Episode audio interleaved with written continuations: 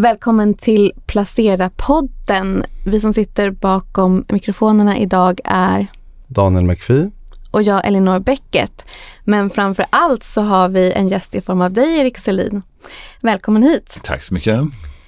Du är VD, grundare, storägare i Balder, ordförande i Norion och styrelseproffs som man vill kalla dig. Mm, typ. Men också en väldigt stor privatinvesterare. Mm. Vi har haft ett ganska kraftigt uppställ här på aktiemarknaden när det kommer till fastigheter på sista tiden. Mm. Men eh, den kan ju ibland vara lite bortkopplad från den riktiga världen så att säga. Hur skulle du beskriva situationen just nu i fastighetsbranschen? Mm.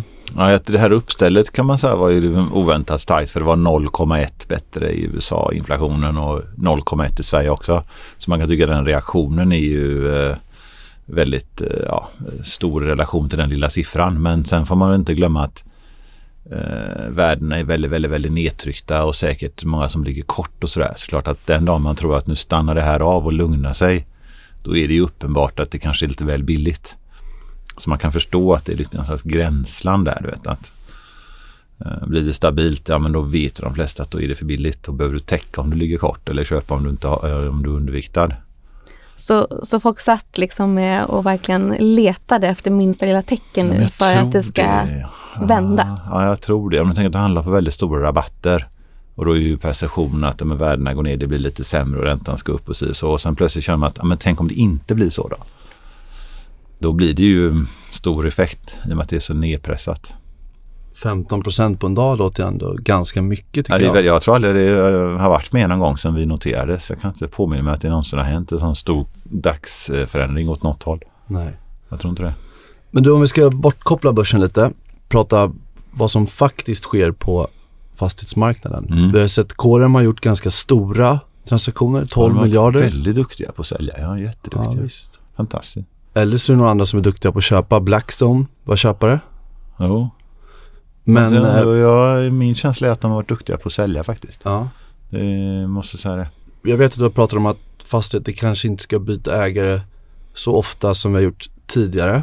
Nej, det behövs inte. Jag menar för att det är onödigt. Alltså hus måste ju inte byta ägare hela tiden. Men nu verkar det som att det sker en del transaktioner. Vad är din liksom känsla som sker i den faktiska fastighetsmarknaden och transaktionssidan? Mm. Det, men det känns som att det är väldigt avvaktande. Så att det finns många köpare som hoppas på att köpa väldigt billigt. Det finns jättemycket eget kapital från stora fonder som står och är är redo. Enormt mycket gör det. Men man väntar på att det ska bli ännu billigare. Ja, då väntar man på att det blir billigare. Eh, Men det finns inte säljare som måste sälja eller väldigt, väldigt lite. Så du får liksom att det, det ja, säljaren behöver inte sälja billigt, i onödigt om du inte måste. Och köparen hoppas på billigare och därför blir det väldigt liksom att det står still. Och det inte, vilket som är rätt, det vet man inte. Men det är väl därför det är väldigt få transaktioner. Men å andra sidan, det räcker att det finns en köpare eller två eller tre så gör du en transaktion. Innan fanns det ju 50 i varje transaktion köpare eller 100, det fanns många som helst. Så de affärerna som görs verkar vara på ganska okej nivåer. Lite billigare än när det var som dyrast men det är inte liksom så att någon rear ut. Eh, tror jag inte. Är du förvånad att transaktionerna har skett på de här nivåerna? Jag menar räntorna är ändå upp fyra gånger. Mm. Är det inte ganska höga nivåer ändå som det sker på? Hade du gissat att det var lägre än de Jag nivåerna det har inte. skett på? Eh, Alltså om, om det är långsiktiga köpare, jag tror den sista de sålde kåren var till någon pensionsfond i Danmark eller något sånt där. Det är klart om de är långsiktiga och så vad ger en statsobligation i Danmark? 3% kanske, 2,5 jag har inte koll på det riktigt. Så att han köper hus i Köpenhamn och får 4 och så är det real avkastning. Det är väl utmärkt bra egentligen. Så att det behöver kanske inte vara så mycket billigare och sen får man ju tänka att hade räntan alltid varit noll då hade det varit för billigt. Så priserna har ju alltid någonstans tagit höjd för att någon gång blir det ränta. Annars hade det varit på en ännu högre nivå. Men som du sa, danskar, vi sa även Blackstone. Mm. Vi har en svag svensk krona. Kan man säga att kanske utländska investerare börjar kliva in nu? Att de vågar? Ja, de vill nog väldigt gärna utan det är mer att hitta vilken nivå är köpläge. Och vissa av dem har så otroligt mycket kapital så de behöver hitta stora affärer. Och stora säljare på nivåer som de tycker det har inte kommit någon ännu. Men när man följer lite från sidan så upplevs det ändå som att det borde finnas ganska mycket fastigheter och ganska stora volymer till salu. Vi vet ju att det finns ganska många noterade bolag som har haft Mm. utmaningar på skuldsidan. Borde det inte vara ett ganska stort utbud? Ja, kanske. Du har ju ändå varit med ett tag. Om du sätter den här eh, eh, i, i perspektiv till eh, tidigare kriser. Mm. För man kan ändå kalla det för en fastighetskris, eller? Gränsfall om det är det faktiskt. En finansieringskris. Ja, gränsfall på den med. Alltså aktiekursen har gått ner. Mm. Men utöver det har det egentligen inte hänt jättemycket om man ska vara ärlig. Men ett väldigt stort fastighetsbolag har väl ändå haft ganska mycket problem. Ja, och ett har haft det. Men om du ser på hela marknaden så är det ju Ja. inte så dramatiskt ännu. Men om man jämför med andra kriser, vi säger att det är en kris för det är svårt annars hur vi ska prata. Men, men eh, då är det ju jätteskillnad. Det är inte ens jämförbart överhuvudtaget. Absolut inte. Det här är lättare att hantera menar du än... Ja, gud ja. Ja, ja, ja, ja. ja. Men det, är finns ju vissa bolag som ändå haft, om vi, det är inte liksom ett fastighetsbolag, om vi tar JM till exempel. Mm. För de är i en kris. Ja, nyprodd eh, har ju stannat av helt egentligen. Alltså, för det är ju en annan verksamhet att du bygger och säljer eh, lägenhet till konsument. Mm. Den har ju stannat långt mycket mer om du äger förvaltningshus. Och att det här då är betydligt mycket längre. Att det här vi pratar Mm. 18-24 månader medan finanskrisen och kanske kristider det gick ner väldigt kraftigt men att det var återhämtade sig väldigt snabbt. Mm. Att det här är lite mer 08, 09 långdraget. så var det ju lite bam och så snabbare upp. Jag tror JMs aktiekurs då, det kanske du var, ni har koll på. Jag undrar om inte den gick ner 80-90 procent. Eh, 2008, 2009. 85 procent. 85, ja du ser. Ja. Nej men JM, den marknaden har stannat lika mycket tror jag nästan som då början på 90-talet. För det har stannat mer än 08, 09. Så är det ju. Eh, och i början på 90-talet, jag kommer inte ihåg exakt JM hur det var då. Och då ägde de en massa förvaltningsfastigheter på den tiden. Det var ju ett fastighetsbolag och att man utvecklade. Eh, så det var inte riktigt samma, mm, samma sorts bolag. Men den marknaden har ju stannat. Den kommer nog vara trög ett tag. Hur fungerar du och hur tycker du att det är att jobba jämfört med de här åren vi kommer innan när det har varit nollränta och så vidare? Det är ju tråkigare om det är som det är nu att det inte sker så mycket och det utveckling stannar av och sånt. Det är ju tråkigare naturligtvis. Men å andra sidan det är ju sånt som händer ibland. inte det hela tanken med Balder att det ska vara ganska tråkigt om vi pratar just specifikt Jo, Balder. Tyckte du tråkigt ja. Ja. Ja. Och det kan ju bli ganska kul långsiktigt kanske. Det kommer det bli. Exakt. Det var ju riktigt... Eh, Nej men man kan, jag menar liksom, du säger att husen behöver inte byta ägare nej det så behöver ofta. de inte. Man behöver inte du tillför ju inte samhället jättemycket om alla hus byter ägare. Alltså det händer ju inte så mycket sen att det behöver ske någon gång för kapital ska omallokeras och så. Men jag menar, det är ju ingen fara om man inte byter hus på några år. Det gör ju inte så mycket. Och då kanske det blir lite tråkigt och då kanske man får leva med det. Mm. Bostadsbyggandet eh, går ju liksom ner nästan mot noll. Och den är ju, gör ju inte någonting för oss, eller inte så jättemycket, men det är ju kanske inte så bra för samhället om man liksom ser det på det sättet. Men det är att det var ju liksom helt olika, förutsättningarna ändrades så mycket. Så då blev det att det blev helt, från det man tyckte var bäst blev plötsligt inte ens aktuellt. Ingen utveckling, i princip inga investeringar och sen Nej. så har vi ju indexerade hyror så att förvaltningsresultatet blir ju ändå väldigt Mm. högt. Mm. Vad, hur ser du framöver? Vad som kommer hända? Och om vi till exempel står inför en lågkonjunktur, Mm. då kommer ju förmodligen räntan gå ner. Mm. Men å andra sidan så kanske man då inte, era kunder kan betala för det här. Alltså vad, vad ser du framför dig som liksom orosmål? Om man... Mm, om du får väldigt dålig makro, ja. Att du får att kunderna får problem. Det är det enskilt sämsta, ska jag säga. Det ska jag säga. Annars har du rätt att med lite indexeringar och si och så, så kommer ju det kompensera att räntan går upp på rörliga lån eller lån som är bundna och blir eh, omsatta på en högre ränta. Så det är en riktig spaning att vi kommer nog ha samma intjäning plus minus lite grann. Kommer vi ligga och minska nettoskulden lugnt och fint varje kvartal? Kommer den sjunka? Liksom det som i konstant valuta. Sen har vi ju andra valutor så i kronor kan det ju slå liksom mellan kvartalen. Men i, i konstant valuta kommer den sjunka då hela tiden. Och då har jag sagt att det här gör vi tills vidare. Så får vi se om tills vidare är ett år eller om det är tio år. Det är ju ingen som vet. Så då kommer vi fortsätta liksom. Varje kvartal kommer det stärkas lite grann nyckeltalen. Och så tror jag många fastighetsbolag gör egentligen. Man tar in lite pengar. Det stärks lite av sig själv. Man kanske säljer något. Så som kollektiv så blir det sakta men säkert liksom anpassas det. Men ni ser inga tecken på att, att det blir för tufft för era hyresgäster att, att betala? Inte generellt, nej, nej. Ekonomin går ganska bra. Alltså om du tar bort bygg, för det har gått, eller kommer gå ner väldigt mycket då bostadsbyggande, inte annat byggande i sig, men just bostadsbyggande. Den är ner jättemycket, vissa konsumtionsvaror som ner väldigt mycket. Men sen utöver det så ser det ju ganska starkt ut på många ställen. Över 50% bostäder. Jag tänker att de här bostäderna måste finnas, ja, förutom i flera ställen i Sverige också i Köpenhamn, Helsingfors. Precis. Vi pratar om indexeringar nästa år på runt 7% om jag förstått det rätt. Tror att man inte bara kommer kunna slå på dem överallt utan om man ändå måste ta en diskussion med Ja, det är olika, olika länder då. Alltså det, det skiljer sig väldigt, väldigt mycket. Sverige är ju reglerat och så förhandlar man med Hyresgästföreningen eh, varje år. Så det är ju ett slags system. I Finland är det ju marknadshyror. Så där styrs ju hyrorna av faktiskt vad folk kan och vill betala. Eh, så där har hyrorna legat ganska still sista åren. Till och med lite sjunkande ett tag. Nu ser de ut att vara lite stigande. Eh, för där har varit så mycket utbud. Det har byggts kolossalt mycket så utbud och efterfrågan har varit lite obalans i Helsingfors framförallt. Men nu minskar byggandet där. Inflyttningen är fortfarande jättestark. Eh, så jag skulle gissa att den där kommer bli bättre om ett år kanske. För att även om du stoppar att bygga så tar det två år innan det i praktiken eh, utbudet minskar. Så jag menar i år 2023 skulle jag nästan gissa är rekordmycket lägenheter som färdigställs. Mm. Vi har ju rekord, jag tror många har rekord. Eh, och 2024 så bromsar det in. Men 2025 blir inte mycket och 2026 blir inte mycket. Det blir liksom men underliggande efterfrågan kan jag inte se att den skulle liksom eh, inte fortsätta vara bättre och bättre.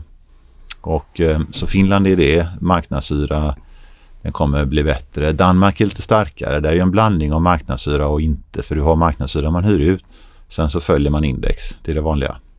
Om du har väldigt stark marknad så blir hyrorna kortsiktigt lite för låga men när man sen omsätter kontraktet har du marknadshyra igen så det är liksom lite mellanting då. Men där är ju väldigt stark marknad just nu. Um, och stark krona. Stark krona och också jämfört med våran i alla fall. Så, ja. ja. så vi får mycket danska besökare i Skåne för det är så billigt. De åker dit och bor och shoppar och allt vad det är då. Men även om du ser på Danmark isolerat, våra, våra fastigheter där är ju lägenheter men, men i praktiken är det ju ägarlägenheter. Man kan sälja alla en och en om man vill det. Nu har vi behållit dem och förvaltat men det går att sälja dem en och en. Och då kan man också titta på, okay, men vad kostar styckelägenheter om du vill köpa eller sälja? Och det är statistiken jag fick här om, kan det ha varit en vecka sedan kanske. Så om du då tittar priser oktober 22 till oktober 23, alltså sista 12 månaderna, så är priserna i Köpenhamn då upp 18,1 procent. Låter mycket. Det är ju helt fantastiskt. Här har vi ju noll. Year on year. Vi är lite plus year to date, men year on year tror jag noll. 18,1 procent. Har du, alltså det är nya, det är nya all time high. Det känns som att allt går lite bättre i det där grannlandet i Ja, de, ja där går allt väldigt starkt så att säga eh, just nu. Det kommer det nog fortsätta göra i och för sig. Men just när man tittar då på Balder så måste man säga att det är så mycket olika delar som uppför sig lite olika egentligen. Så man kan inte bara säga att det är, borde bli si eller så. Man får titta på delarna och se vad borde det bli då. Men är det också det du gillar med jag gillar det. Balder? Att du har lite hotell, lite industri, lite Finland, lite Danmark. Jag gillar det. Och så när du säger att danskarna kommer över till Malmö då kanske du har något hotell där som de kan bo på. Exakt. Och så shoppar Precis. de i någon kommersiell ja. fastighet där ja. du har någon butik kanske. Precis. Precis. Är det så du tänker? Så tänker jag. Ja. Härligt va? Ja, men det låter fantastiskt. Men du, vi måste ändå riva av en fråga här som ja. Entra. Ja. Det har ju funnits redovisningsexperter som har hävdat att ni redovisar värdet för högt. Och det finns andra fastighetsmänniskor eller experter på redovisning som hävdar att det är rimligt eftersom att det är ett långsiktigt strategiskt ägande. Exakt. Kan du förstå kritiken och åsikten och hur tänker du kring den frågan?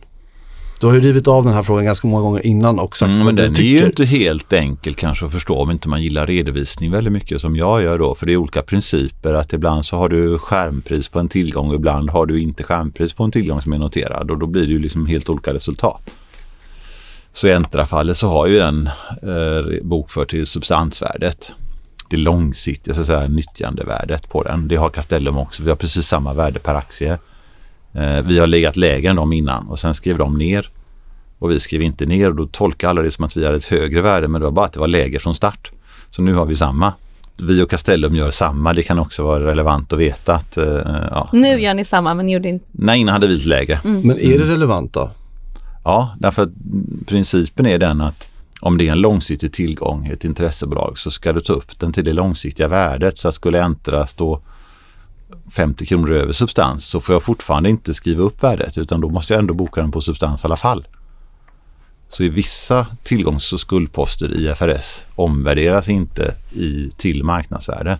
Man ser att den långa, man bedömer det långsiktiga värdet helt enkelt och bortser från om du har ett skärmpris som åker upp och ner på grund av tyckande eller blankare eller någonting annat. Va? Så att eh, nu tittar man ofta på tillgångar men ni kan också titta på den andra sidan så kan du se på Balders skulder. De tar vi upp till nominellt värde. Så att det var 135 miljarder eller sånt tror jag vi eh, sista bokslutet 22 12 31. Om du tittar marknadsvärde på de skulderna är 120. Så då kan man säga då borde vi boka in en vinst på 15 miljarder då. Nej, men det gör vi inte heller då för att tanken är att man ligger kvar långsiktigt tills de förfaller. Så där har du en skuldpost som man inte tar mark to market heller. Men anledningen till att jag säger att det inte är relevant vad Castellum gör, jag tänker om din revisionsfirma säger så här, nu Erik ska du bokföra enligt skärmpriset. Du kan ju inte peka på Castellum och säga att nej men de gör ju så här. Ja det struntar vi i, du ska göra rätt. Absolut, nej men vi följer bara reglerna. Ja. Och de som inte är riktigt nöjda med de här svaren, vad är det de missar då?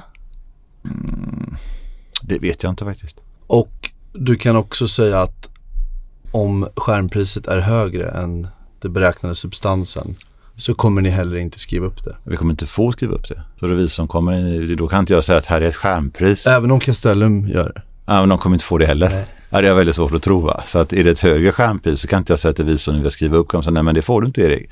För att det, då följer du inte reglerna. Så det kommer vi inte få göra. Så därför kan man säga på riktigt lång sikt så kommer snarare värdet bli lite för lågt. Va? För om värdena över tid går upp så kommer vi ju bara få boka på eh, resultat efter skatt men inte uppskjutna skatten. Så att vi kommer så småningom ha dem på substansrabatt när åren går. Men just nu är det andra att det är på substans och skärmpriset lägre. Men eh, ja, det är redovisningsregler. Vissa poster är inte mark to market. Där ni tar det substansen som de rapporterar då? Ändra. Exakt, ja. Så att om vi säger att äh, vi tycker inte det värdet är rätt. Då säger jag ju egentligen att Entra inte kan sätta rätt värde. Mm. Och då säger jag egentligen att ja, men jag har bott i Göteborg hela livet och ni har bott i Oslo hela livet. Men jag kan nog betydligt mer än er om Oslo. Jag har inte varit där men jag, ändå, jag anser ha mig överlägsen kunskap. Så ni har fel värde. Det är egentligen det det blir. Mm. Då blir de lite stötta kanske? Nej men ni hör, det blir ju liksom lite konstigt att säga att ett annat bolags värde är fel. För det är egentligen det jag måste säga då.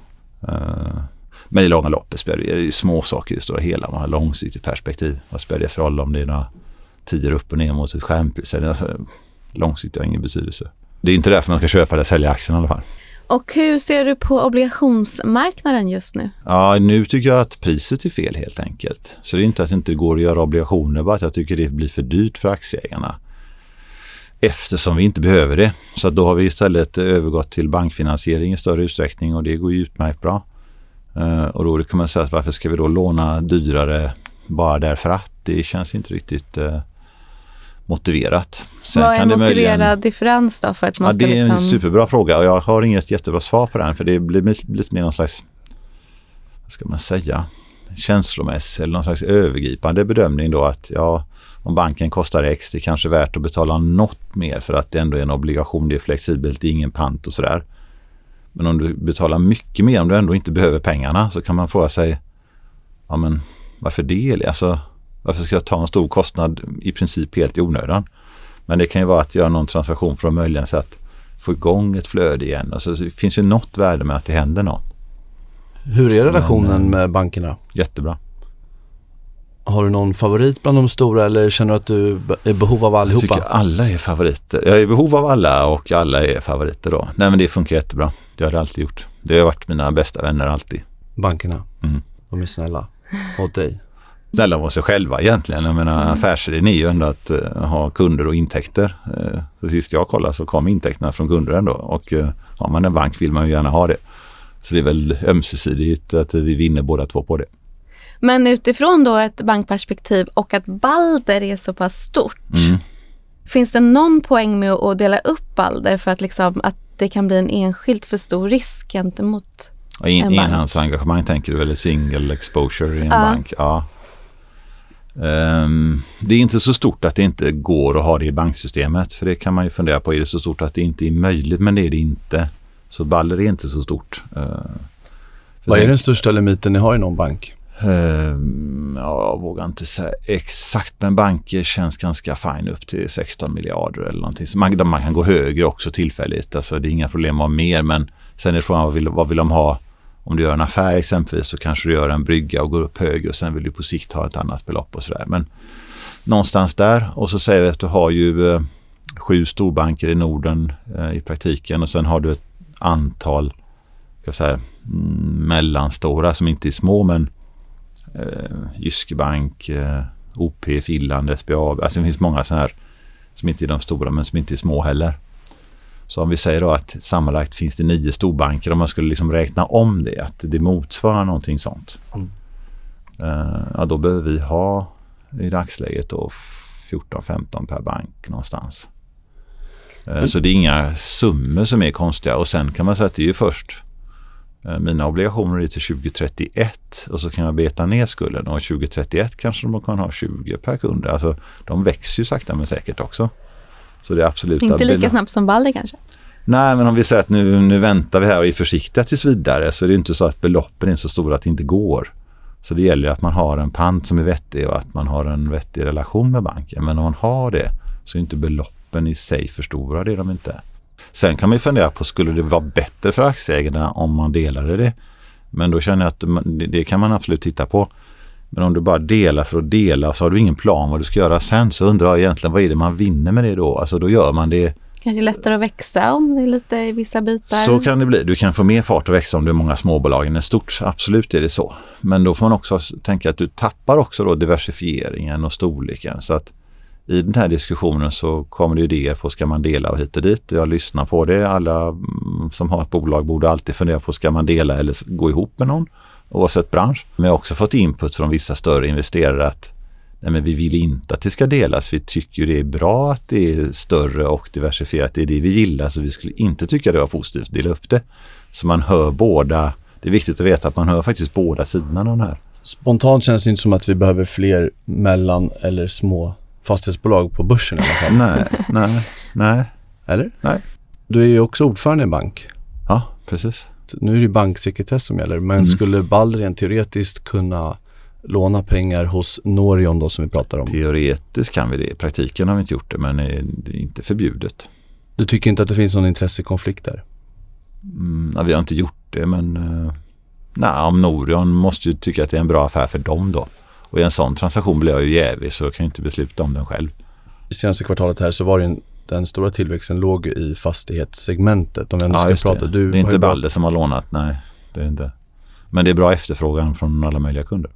Varför använder de Norion? Varför inte? nej men vad är det som differentierar Norions erbjudande mot några av de andra aktörerna? Ty, upplever du? Varför inte gå till Handelsbanken eller Swedbank eller? Eh, jo men det gör ju de flesta. Vi har ju pytteliten marknad så den är ju 0, ingenting liksom. Så att där är ju majoriteten. Men det, det, kan vara kanske att du behöver en tillfällig finansiering exempelvis. Då kanske inte den är perfect match för Handelsbanken. Där är man med att man bygger bok lugnt och fint liksom över lång tid. Och kanske inte vill ha kunder som går in och ut. Det har inte Norion något problem med i sig utan man kan göra en uh, bryggfinansiering. Och sen bygg finansiering är lite trögare i banksystemet när det blir eh, lite tuffare och lite udda produkt ibland. Eh, och det kan vi ju ta, vi har inget emot det. Då är den ju kort av sig själv för sen tar bygget slut och så försvinner den. Det låter som att den är eh, ganska smidiga och enkla att göra med om jag Ja får... men det hoppas jag. Det är verkligen målsättningen att det ska vara det. Men ni är dyrare? Än... Vi är dyrare, ja. precis. Så därför så förstår vi att om vi är med och så kanske kunden sen löser bort eller tar någon annan finansiering så är det ganska fine och så är du välkommen tillbaka ändå. Så det är inte så att det blir kontroversiellt på det sättet att lösa bort krediter. För man kan säga andra banker, om du bara shoppar runt, att du har ena banken en stund och sen nästa och nästa och nästa. Det är inte alltid så populärt. För det är klart att om du ena stunden säger att vi har en så bra relation och det är viktigt och la la la och sen sekunden efter så byter du för att någon kommer och viftar med en sedelbunt. Det kanske inte uppskattas.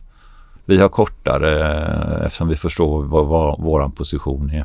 Förutom då fastigheter, då är det ju bank mm. som eh, du är eh, investerad i. Finns det någon form av att menar, bank och eh, fastigheter de är ju liksom i symbios. Är, i, precis, med ja. varandra. Ja. Är det för att du liksom var liksom syftet med att du skulle lära dig eller för att du är liksom genuint intresserad av businessen eller finns det någon sån tanke? Med... Du menar med att äga bankaktier eller? Ja.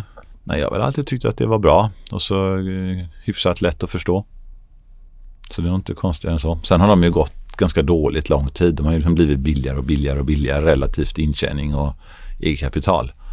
Så skärmpriserna har inte varit så bra om du har investerat i bank men underliggande har varit ganska bra. Nu har det varit mycket tillväxt i år men innan kanske inte jättemycket tillväxt i storbankssystemet. Nej, nej. Men stabilt. Stabilt ja. Och du ser inget, vissa som är lite mer kritiska till bankinvesteringar hävdar att det är lite kanske blackbox, du har dålig insyn i kundstocken. Ja. Nu vet ju Ja, du, hur upplever du den frågan? Känner du att det kanske är likadant i alla? Ja, såklart. Men vad är det du gillar med bank? Du säger att det är enkelt. Jag förstår det då. Nej men alltså jag, jag tror att jag förstår det. Jag kanske inte gör det men jag tror att jag förstår det. Bank och fastighetsbolag, man kan säga det som ger avkastning det är ju tillgångarna i sig ger avkastning. Det är låneboken ger avkastning, fastigheterna ger avkastning. Sen finansierar man det med lånat kapital och eget kapital och bankerna har väldigt lite eget kapital i relation till sin balansräkning. Så de har ju väldigt hög gearing själva. Eh, fastighetsbolag har ju eh, mer i kapital och sen kan du ha de här mellaninstrumenten, hybrider och i bankernas fall AT1 och T2 och andra instrument. Eh, så det påminner ju lite om vartannat eh, på det sättet att du har en balans, du ligger liksom sakta tjäna pengar. Sen kan ju bankerna ha fonder och provisioner och annan business eh, såklart också. Och sen tror jag i och med att man är, du vet i fastighetsbranschen så blir ju automatiskt att du håller på mycket med finansiering. Och då är det klart att eh, jag tycker ändå det är intressant också att fundera på att om vi gör en affär så är det intressant att fundera, hur är din position? Liksom, hur, hur är din sida? Eh, och hur vill du bli behandlad? Eller hur skulle jag vilja bli behandlad om vi bytte plats? Så jag har alltid liksom tyckt om det. Faktiskt. Jag har alltid tyckt att det var intressant och roligt. Om du nu ska gå utanför bank och fastigheter mer som Ja, det. investerare. Aktienörd, ja. Ja, aktienörden. Ja, ja. Vad är det du gillar då? Vi har väl Ja, men då gillar jag även, vi säger försäkring. Det påminner ju lite om bank. Inte riktigt, alltså, men det är gränslandet där, det är reglerat. Eh, det bygger också på att ha en tillgångsmassa du tjänar pengar på. Och så ska du ha en spread premie till kostnader då. Så det är inte helt likt men inte helt olikt. Det är inte så många svenska försäkringsbolag på börsen dock. Nej, inga. Ja, det är lilla Solid, men det är, nej, men det är synd. Sen Sampo är ju finskt, men på svenska börsen. Men, eh, men det är också ganska trygga, tråkiga placeringar är det ju. Äger du Sampo? Eh, nej, det gör jag inte. Jag gillar den. Men jag har alltid tyckt att den var lite pricey, så jag har liksom aldrig kommit in i den. Eh, men förr eller senare så, så ska jag nog försöka göra det. Men den, den blir ju aldrig någon raket, men den kommer vara bra om du har den i 10, 20, 30 år. kommer vara liksom bra att ligga där och tugga tror jag. Nej, men så det tycker jag är liksom när, närliggande som jag kan gilla och sen kan jag gilla starka varumärken, konsumentprodukter, det kan man också ha en uppfattning om. Det behöver inte vara, det kan vara svårt att veta kanske vem måste vara vinnare på sikt men man kan förstå den underliggande drivkraften om du tittar på LVM och Hermes eller sånt så kan du ändå liksom se, mm, okej, det här borde kunna hända på sikt. Eh, eller vad finns det mer där? Eh, ja, det finns ju många sådana. De är, tycker jag är intressant att följa också. När du gör de här investeringarna, gör du dem helt själv Ja. eller hjälp, får du hjälp av någon? Nej. Eller? Och då loggar du in på banken och köper Jaha, när jag ringer eller jag kan logga in kanske. Men jag oftast ringer. Men besluten tar du helt själv. Ja, ja, ja, ja, ja, ja. För du gör ju ändå ganska, några ganska små affärer. ja. Check-in såg vi att du eventuellt har köpt och även lite mindre bolag. Mm. Eh, Just eh, check-in var faktiskt en annan kollega till mig som eh, sköter en portfölj som är min men det är han som mm, tar besluten. Så att, men då gör han det helt själv. Så jag vet inte vad han köper och säljer. Så ibland om du ser små poster i småbolag sådär. eh, Någon gång man kan se en rubrik i DI att jag har köpt något. Då, då ser jag det när ni ser det. Jag, då vet inte jag om det oftast heller att jag har köpt. Utan då ser jag det där. Aha, och då vet jag att då är det någon annan som har köpt det, inte jag, men det är mina. Eh, men check-in, så check-in var, om jag säger inte min från början då. Men sen för ett tag sedan så kunde vi köpa en lite större post och då köpte jag och min kollega då. Det hamnar, det är ju samma på ett sätt, men jag säger, hans portfölj ändå, han kan göra vad han vill med den. Han behöver inte fråga, han behöver inte, nej. Hur har den portföljen gått då? nej, men den har varit bra. Då får vi jämföra med småbolagsindex eller något sånt där då va. Så den har varit bra. Faktiskt sådana småbolag har varit väldigt tufft. Men jämfört med, med det indexet så har de varit faktiskt riktigt bra. Och riktigt bra, men då hovrar han i mindre bolag. Sverige, Norge och lite andra länder och sådär. Uh, och kan göra ibland någon kort position och så också. Um, så Tjeckien har vi båda två nu då. Vad är det för mer lite mindre bolag? Småbolagssegmentet är ju ganska utbombat. Om... Ja, fruktansvärt utbombat. Från toppen i snittsmåbolaget var ner 62 procent eller något sånt där för någon vecka sedan när jag var på ja. ställe en som verkade ha koll på det. Det låter, ja, jag tror att vi har skrivit om det. Ja. Men ni kanske har skrivit, ja, och att det var typ 68 eller något sånt där i finanskrisen 08-09. Mm. Så där borde ju finnas mycket intressant faktiskt. Om man har tid att kolla igenom alla, då, då ska man liksom plöja kanske hundratals men där måste ju finnas många som är enormt billiga. Ja, och där kan jag också, tror jag också att skillnaden mellan storbolag är ju större nu än vad det var då. För då gick väl ja. även storbolagen dåligt. Nu är ju ändå storbolagen klarat sig ganska bra. Stora klarar sig jättebra. Det är Men, hela, så, hela globalt S&P 500 det är ju att eh, Apple, Nvidia, Microsoft några till har gått starkt. Och så tar du bort dem så är det ju inte så fantastiskt. Ja, kliar inte lite i fingrarna om att liksom, ta en veckas semester och bara fundera på de här småbolagen. Det måste ju ha massa möjligheter. Jag hinner inte det vet du. Inte en semester? Jag har ingen semester. tid. Nej. Nej. Jul och nyår är sådär bra, då är det lite ledigt. Då kan jag unna mig och ha riktigt roligt och läsa på lite nya bolag. Och då har ju småbolagen kanske redan gått upp ganska mycket. Det kan de ha gjort. Det gör inget, då missar man det. Det är ingen fara. Nej, det gör inget. Men eh, som sagt, du sitter i en del styrelser, bland annat i konkurrerande verksamheter också. Hur, eh, hur, liksom, hur hanterar man det här med potentiella intressekonflikter? Jag har typ aldrig haft det. Uh, så att det finns i grund och botten inget att hantera. För de är snarlika men inte lika. Det är det som är. Men Balder, ni tittar väl väldigt mycket hus för hus? Ja, det är inga boundaries. Så, så det skulle ju kunna bli? Skulle kunna vara rent teoretiskt, ja. Men det har hittills inte varit det. Men vi hade en gång nytta av det åt andra hållet för då var det en portfölj som passade delvis SLP och delvis Brinova faktiskt. Balder var inte intresserad ändå för det var inte centrala fastigheter, det var inte det vi köper. Men tack vare att man då hade dem båda två så sa man att ja, men om ni tar hela och delar den så kommer det vara två grejer som passar ganska bra faktiskt. Men hela hade inte passat någon av dem. Så där var det liksom lite, blev det två vinnare istället för ingenting. Så um, jag tror man ska se att man har mer nytta av nätverk och du vet, känna varandra och hjälpa varandra än att rent teoretiskt är vi konkurrenter en gång på hundra, men då får väl vara det då. Men det är otroligt sällsynt. Du är själv en investerare på börsen. Du tittar på en rad olika investeringar.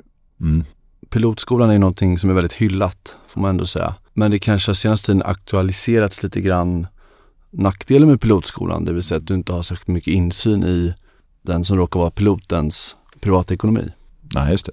Hur funderar du kring den frågan och om jag nu är aktieägare i Balder, mm. hur eh, tycker du jag ska hantera risken om din privatekonomi? Jag tycker du ska fokusera på annat som är viktigare för dig. Jag tror den kommer aldrig ha någon betydelse för uh, din investering. Och du, när du själv bedömer bolaget, här har vd aktier för 10 mm. Du har ingen aning hur det är finansierat, är det via lån eller vad det nu skulle kunna vara. Så att det finns en ja, risk. Det har jag aldrig tyckt varit värt att fokusera på faktiskt. Ägandet överhuvudtaget eller risken? Jo, ägandet är väldigt positivt. Jag menar i snitt om du säger att du är vd, grundare, storägare, allt detta så verkar det alltid ge över tid ganska mycket mer avkastning faktiskt några procent per år i alla fall enligt de som har studerat det vad jag har hört. Så det är ganska mycket år efter år efter år.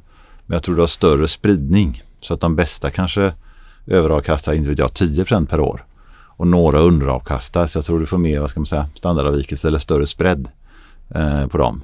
Men som kollektiv är de bättre.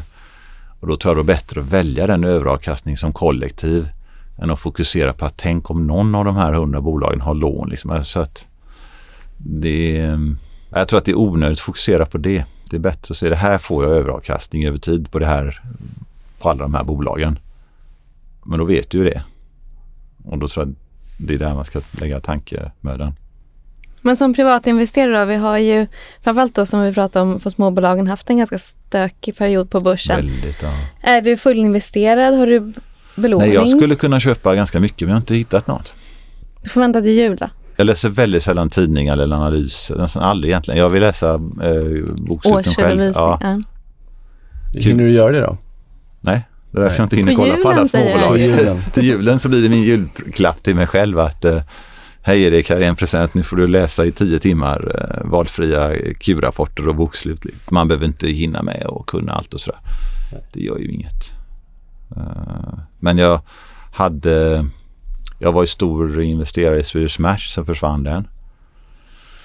Och sen har jag minskat i något annat innehav så jag har köpt lite grann Collector och Hoist lite annat. Men jag har köpt väldigt lite i relation till vad jag har sålt. Va? Så jag tror att jag har nog 3-4 miljarder mindre placeringar än vad jag hade bakåt i tiden. Men jag vet faktiskt inte vad, vad som är rätt att göra och, och när är det rätt att göra det. Jag vet inte. Så det är mer utifrån att en, en timingfråga. Så. Man måste ju ha en bra idé. Mm. Mm. Men om du inte har någon bra idé då kan man lika gärna vänta. Du kanske får lite samtal efter den här podden. Ja, det kanske jag Lite får. tips. Så att jag måste ha en bra idé, sen måste jag hinna med det. Så ofta faller det för att jag inte har tid att hålla på med sånt här. Och då gör jag det inte. Det låter ju klokt där i och för sig att prioritera ballen med tanke på Ja, men det att gör också är jag ju. ditt största innehav. Sen kommer alltid etta, tvåa, trea, fyra. Mm. Så. Eh, Men sen om man har någon stund över eller ska unna sig något roligt då kan man ju läsa lite skojarrapporter. Eh, Eller hur? Det är det du gör när du är ledig helt enkelt. Oftast, nej, oftast gör jag väldigt, gör jag inte ens det. Eh, Som jag är ledig så är jag väldigt bra på att inte göra någonting. Vad gör du då? Inget, Ingenting. gör ingenting. Du bara sitter. Ja. Låter rätt skönt. Ja, jag tycker det är väldigt bra. Läser en bok. Ja, ibland inte ens det. Så ibland kan jag säga att men jag ska göra ingenting. Och vad menar du? Men vadå göra ingenting? Ja, jag ska göra ingenting. Jag tror att det är väldigt bra att göra ingenting ibland. Eller jag gillar det väldigt mycket. Ha ett x antal timmar.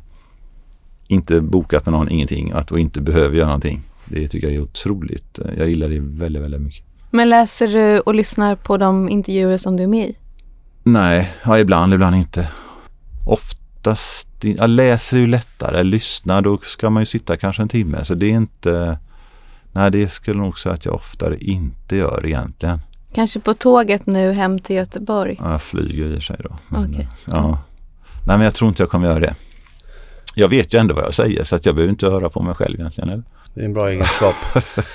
Som privatinvesterare, inte Mm. som Balder. Mm. Om du hade någon favoritstor bank? Du menar att, att investera i? Mm. Jag tycker många är billiga. Mm. Eh, så det är väldigt svårt att välja en. Så på sista tiden när jag har köpt har jag köpt i tre, fyra samtidigt. Så jag kan samma dag ha köpt SEB, Swedbank, Handelsbanken. Eh, alltså samtidigt. För jag tycker det är svårt att veta faktiskt vad blir bäst över tid. Eh, men jag tycker alla är bra. Man- Alltså rent price earning i Swedbank, Handelsbanken kanske billigare än SEB. Men SEB har kanske fördelen av att de nu är lite mer eh, företagen och storföretagen och medan de andra är mer eh, du vet, bolån och privat. Den marknaden står ju helt still. Det finns ju ingen efterfrågan. Så, så att kreditefterfrågan är ju väldigt låg. Låneböckerna ligger helt still. Så då kan man förstå att ja, det kanske är lite större tillväxtpotential kortsiktigt då. Men det är ju ingen jättestor skillnad. Alla blir bra över tid skulle jag säga och eh, de är ju väldigt billiga. Känns det också bra när du lånar pengar i banken att du känner att du är både aktieägare och kund? Man får tillbaks lite, Ja.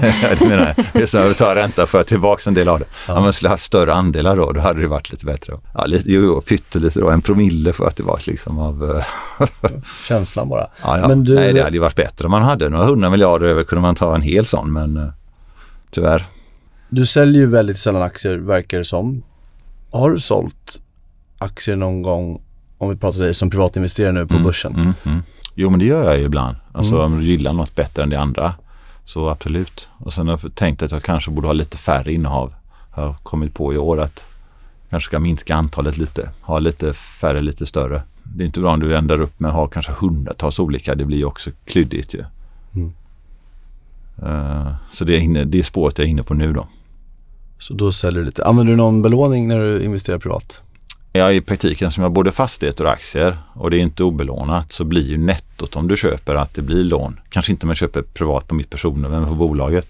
Det Mm. blir ju nettoeffekten blir ju en skuldsättning hur du än gör. Så länge du inte är obelånad så blir det ju liksom att det blir skuld. Det blir det ju. Mm. Men det tycker jag inte gör så mycket. Bara du inte har för hög procent där så kan man ju ha lite finansiering. Det är ju ingen fara. Bara den inte är alldeles för, det är ju det. Man får, man är ner på en lagom nivå så tycker jag inte det är fel.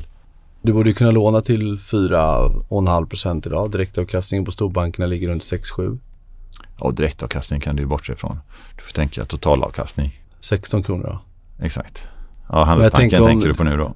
Eller? Ja, kanske. Kanske. Men, nej, det gjorde du. Ser jag på det.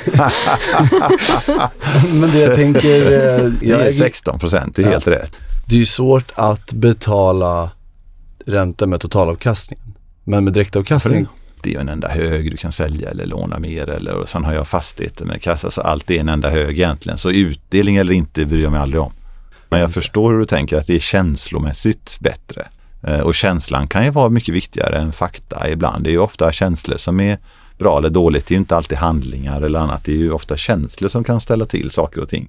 Om aktien inte ger utdelning så kommer den stiga lika mycket mer i pris och då kan du i så fall sälja 3% av dina aktier varje år. Riksbanken, eh, den kostar 100 kronor säger vi för det är enkelt att räkna. Den kostar kanske 98, men vi säger 100. Enligt dig kommer de tjäna 16 kronor då. McPhees prognos här. Då kommer den ju avkasta 16 procent. Mm. Allt annat lika. Och kan man återinvestera vinsterna i Handelsbanken, det är väl jättebra om det skulle gå. Det är väl inte troligt nu då om inte låneboken växer så vad ska, nej, då kommer de ju skicka tillbaks de pengarna utdelning återköp någonting. Eh, men det är ju en klen tröst när banken ringer och säger hej jag behöver din ränta. Visst, då kan jag ju sälja lite aktier men det är Exakt. lite mer det jag vill komma åt. ja, det blir samma sak. Apropå känslor, av alla hus då som Balder äger, har du något favorithus? Nej, ja, vi brukar säga att alla är favorithus. Vi älskar alla våra fastigheter. Jag lyssnar ibland på era Mm. telefonkonferenser. Mm, Du får mycket frågor från analytiker. mm. Jag personligen, det är bara en känsla, det är ingen rationalitet i det Nej. kanske. Men att du upplevs ibland som lite trött på frågor som, kanske Mm. inte alltid är... Det är ju inte bra om det läcker igenom. Nej, det är ju inte bra. nej men jag kanske jag har fel i min uppfattning. Nej, det kanske du inte har. Nej. Det jag vill komma till är att kan du ibland bli lite trött på liksom, alla de här frågorna som du tycker kanske är så pass självklara kommer på gång på gång på gång. Och ibland har man inte själv gjort hemläxan. Det kan vara lite oförskämt. Exakt, det kan man bli lite trött på. Mm. Men det ligger ju i rollen att det är så det är. Håller med dig att eh, visst, om den som frågar inte läser på från första början så är det liksom lite sådär. Eh, det borde man kanske börja med att göra. Men jag tror att det kommer alltid vara så här. För du har också sagt vet jag i ett annat sammanhang att det viktiga är att hålla lugnet och hålla sig till faktan. Ja, Hur gör man det? ja det är en bra fråga. Är det den här perioden där du bara helt gör Mm. ingenting som kanske gör att du orkar ibland? Mm, jag tycker i grund och botten att det är roligt ändå. Va? Mm. Men sen ska man veta att analytiker oavsett vad de analyserar, om det är fastighetsbolag eller någonting annat, eller att det är enorm skillnad på eh, kunskapsnivå. Så på pappret är det liksom samma eh, jobb eller samma, men bakom där är det ju avgrundsskillnad om du tar den mest initierade till den minst initierade. Så vissa frågor är på en sån nivå så att eh, jag kan inte säga de här ens för att eh, det är inte bra. Så det är väldigt blandat, men så är det ju med alla jobb egentligen. Man kan ha en bra och dålig dag också. Det kan hända att man vet inte om någon frågar något som kanske inte är hundra. Vad har han eller hon råkat ut för den morgonen? Det kanske har hänt något, man vet inte det. Så det kan också finnas förklaringar som är liksom... Men Brucer, om vi bara bortser från Balder-frågan och analytiker. Mm. I snitt gillar jag dem. Jag är inte, jag är inte anti. Men om vi går tillbaka till investeringssidan som Mm. privat, vad kan du, all, brusar du aldrig upp? Du, du har ju ett, ett lugn får man ändå säga. Mm. Jo, Blir du är aldrig, lugn. om du blir upprörd, som en investerare nu vill säga. Vad är, vad är det som gör dig frustrerad, irriterad och kan du brusa upp? Det är väldigt sällan som investerare måste jag säga. Otroligt sällan.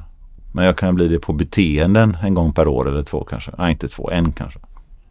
Om någon uppför sig dåligt eller du vet på, något, på ett eller annat sätt så kan jag möjligen eh, bli arg. Men det är inte ofta. Skönt. Mm. Nej, men det kan vara en gång per år kanske i snitt. Noll ibland och ibland kan det vara två gånger. Alla är olika. Det finns ju mycket diskussioner på Stockholmsbörsen kring eh, transparens, Ja. kring rapportering. Mm. Det finns vissa bolag som inte rapporterar valutajusterade vinster. Upplever du att transparenskraven från svenska investerare är nästan för hög ibland? Även om man kan vara alla överens om att transparens är det viktigaste. Men att Mm. vi är nästan lite bortskämda i Sverige. Eller mm. är det likadant eller ännu, ännu tuffare gällande transparens i andra länder? Förstår du vad jag tänker? Ja, jag förstår vad du menar. Jag upplever att det är ungefär snarlikt om vi åker till England eller någon annanstans. Jag har inte känt att det är någon jättestor skillnad på det i sig. Eh, det har jag inte gjort. Men jag tror allmänt om du tittar på bolag så någonstans tror jag det gäller lite mer att förstå de stora dragen, vad som kommer hända på ett ungefär. Eh, så jag tror att egentligen så behöver du inte veta alla små detaljer om allting. Jag tror faktiskt inte att det blir bättre ditt investeringscase av det. För om inte den stora bilden är hyfsat rätt så spelar det faktiskt ingen roll för 100 små detaljer om det är 0,1 bättre. Um, Sen kan det också vara i vissa fall så kan man ju förstå bolag att om du är helt transparent så skulle det kunna vara en nackdel för bolaget. Jag menar hur mycket exakta siffror vill du egentligen lämna ut som alla konkurrenter läser? Så det finns ju en balansgång när det blir dåligt för aktieägarna att du fläker upp dig totalt liksom och så kan alla se precis vad tjänar du på allt och hit och dit. Det är ju frågan om det är rätt. Så det är en balansgång där liksom. Men som investerare så tror man ska titta på de stora övergripande ungefär hur är detta, vad tror du, vad händer om tio år? Eh, så gillar jag att göra. Du får liksom de här långa scenarios, vad borde hända? Och då kan du vara ganska lugn i det. Och så kan du bara sitta och vänta. Är det så du resonerar också lite med på samma tema när det kommer till externa värderingar kvartalsvis? Ja, externa värderingar gör vi ju lite blandat. Ibland vill finansiärer ha det så då gör vi det för deras skull. Och ibland gör vi det lite som second opinion bara för att liksom ändå veta. Men däremot har jag aldrig någonsin känt att jag vill ha en extern värdering för att bedöma om jag tycker investeringen är bra. Det har jag faktiskt aldrig någonsin gjort. För att om inte jag själv vet varför jag tycker något är bra eller dåligt, då borde jag kanske inte eh, vara investerare. Om jag måste ringa någon annan och fråga om det är bra hela tiden, jag vet inte. Så redovisningsmässigt så behöver du inga externa värderingar alls. Du kan köra noll egentligen. Så det är inget krav på det. Utan du måste ha en modell som man kan visa hur värderar man som revisorerna går igenom. Men grund och botten är det kassaflöde man tittar på så det är inte så avancerat på ett sätt. Men det, men det behöver du ha. Men det finns inget krav egentligen på att du ska ha en extern värderare. Tittar du på alla så, hus som ni köper? Så. Nästan. Nästan. Mm. Men så fram till att Balder kom till börsen, alltså så att jag började köpa början på 90-talet, så sen framme då på 2005 om jag kommer ihåg rätt så tror jag att jag gjorde två externvärderingar under vi säger 13 års tid. På två hus för att någon annan ville ha dem. Jag såg aldrig något behov av att göra det för egen del. Jag tänkte det kostar 10 000, det är alldeles för dyrt. Eh, och jag har inte tid med det och ja, jag måste veta varför jag vill köpa något. Men det är väl väldigt också individuellt tror jag. Så att alla ska göra på sitt sätt där. Men, eh, och i vårt fall har externa värderingar och interna varit väldigt snarlika på portföljnivå. Det har skilt jätte, jätte, jätte lite. Sen kan det per hus variera lite grann. Faktiskt. Så du har avvikelser per fastighet men inte portfölj. Av någon konstig anledning har det alltid varit så. Så vi har legat i snitt väldigt nära. Jag tror i snitt kanske 1% under eller någonting internt mot externt fastigheter är ju inte helt exakt prissättning. Om det borde kosta 100, det kan kosta 110 eller 90. Du kan inte säga så exakt. Det är inte en aktie du kan läsa av priset. Så det är ändå någon slags bedömning. Vad är den långsiktiga avkastningen här och vad är rimligt? Så det är inte liksom exakt, exakt, exakt. Eh, men jag tror att en del likställer fastigheter med aktier. Du kan köpa och sälja och liksom, det är inte riktigt på samma sätt. Vi vet att du älskar ditt Göteborg så vi ska inte hålla dig här i Stockholm längre än nödvändigt. Stort tack för att du kom. Ja, vad bra. Stort tack för att du kom hit, Erik Tack så mycket. Tack. Tack.